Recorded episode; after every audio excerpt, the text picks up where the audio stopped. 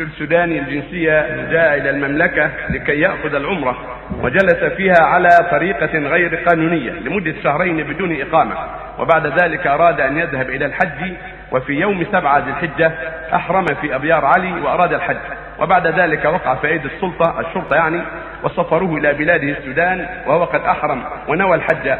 فهل يلزمه في ذلك شيء مما حصل له من هذه الأشياء الموضحة؟ في هذه الرسالة أفيدونا جزاكم الله خيرا الدنيا والآخرة حيث أني في حيرة من أمري. حكم حكم محصر إذا منع من الدخول. أيوه. حكم حكم محصر نعم. على أن يهدي يذبح ذبيحة ويحلق ويحلق.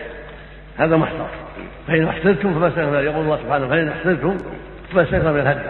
معناه أنه إذا منع قد أحرم يذبح شاة أو سبع بدنة أو سبع بقرة إن قدر وإن عجز يصوم في عشرة أيام ويحلق رأسه ويحل.